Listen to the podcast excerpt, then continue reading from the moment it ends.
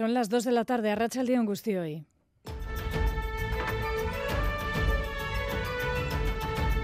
Crónica de Euskadi con Aichiber Bilbao. 7 de enero se cumplen hoy 90 días de la guerra en Gaza. Más de 22.000 palestinos, algo más de un millar de israelíes han perdido la vida durante estos tres meses en el conflicto, del cual estas cifras nos dan la medida. Un conflicto armado, además, que amenaza con extenderse a diferentes puntos de Oriente Próximo. El embajador de Palestina en España nos va a dar la última hora de la vida, por decir algo, de sus compatriotas allí.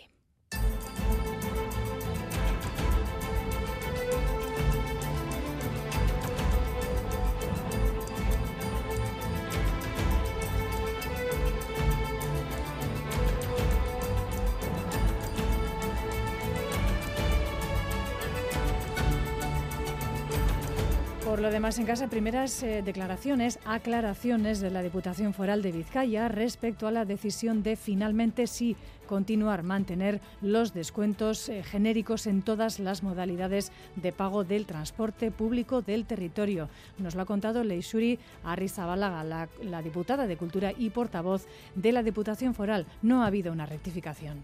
La Diputación Foral de Vizcaya tiene su propio plan, incentivos también en base a, a, rentas. Es un plan integral y completo. Una vez que esto está puesto en marcha es cuando aparece Sánchez con estas nuevas medidas. Lo único que se ha hecho ha sido analizar cuáles son las cuestiones recogidas en ese Real Decreto, ver que eran compatibles con el plan foral de, de transportes, poniéndolo en marcha del modo más rápido posible. Y en Gasteiz, la familia de Borja Lázaro, un 7 de enero más, ha salido hoy a la calle para recordar al fotógrafo Gasteiztarra, desaparecido hace 10 años en Colombia. Ahora podrán además declararlo persona fallecida. Su familia, sin embargo, continúa reclamando que la investigación sobre su paradero, sobre lo que ocurrió con él, no cese. Las esperanzas van decayendo, pero bueno, nosotros seguimos con con la idea de, pues, de, saber qué es lo que pudo pasar con él y, que las autoridades que tienen competencias pues que sigan con la investigación. Eso es lo que no queremos, que la investigación decaiga.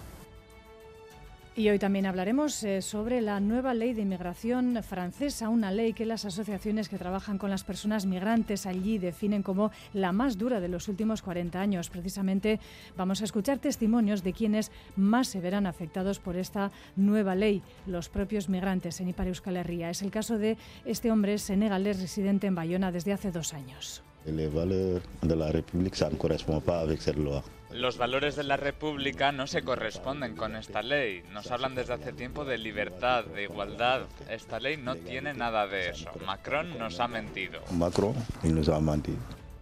Y la tercera de las cuatro jornadas de huelga de los trabajadores del Servicio de Asistencia en Tierra de Iberia está provocando retrasos de más de dos horas y un caos de maletas este domingo en el aeropuerto de Bilbao. Como saben, el más afectado por esta huelga, el transporte incluso de equipajes en furgonetas sin el control debido, denuncian los convocantes del planto, algo que también podría, dicen, vulnerar el derecho a la huelga. Titulares del deporte, John Zubieta, Rachaldeón. Hola, Rachaldeón. Urris ya ha cogido el duelo de Copa entre la Morevieta y el Celta. Los gallegos han logrado el pase a la siguiente fase. Raúl Pando, Arracha León. Arracha León, John queda eliminado de la Copa La Morevieta al caer 2-4 frente al Celta. Se fue al descanso ganando el equipo vizcaíno 2-1 con goles de Jauregui y Reiko después del gol inicial de Miguel para el Celta. En la segunda parte, superioridad clara del equipo vigués con tres goles, dos de Dubicas y otro de Jailson y dos balones más al palo a los de Jadro queda la liga, donde van a pelear hasta el final por conseguir la permanencia en la segunda división. Hablamos también de fútbol femenino en el Lezama Athletic 2 Eibar 0, Real Sociedad 3, Granadilla 3. Más copa porque a las 4 Osasuna se enfrenta a domicilio al Castellón, a las 7 se ven las caras Eibar y Athletic y a las 9 la Real Sociedad tiene su compromiso en Málaga en baloncesto. Estamos pendientes de Bilbao Basket, está ganando en este momento al Manresa por 67-49. Esta tarde el Vasconia se enfrenta en el Huesa Arena al Real Madrid, pero también le recuerdo que Artola e Imaz miden sus fuerzas ante Peña y Alviso en Echeverri y en el Goibar.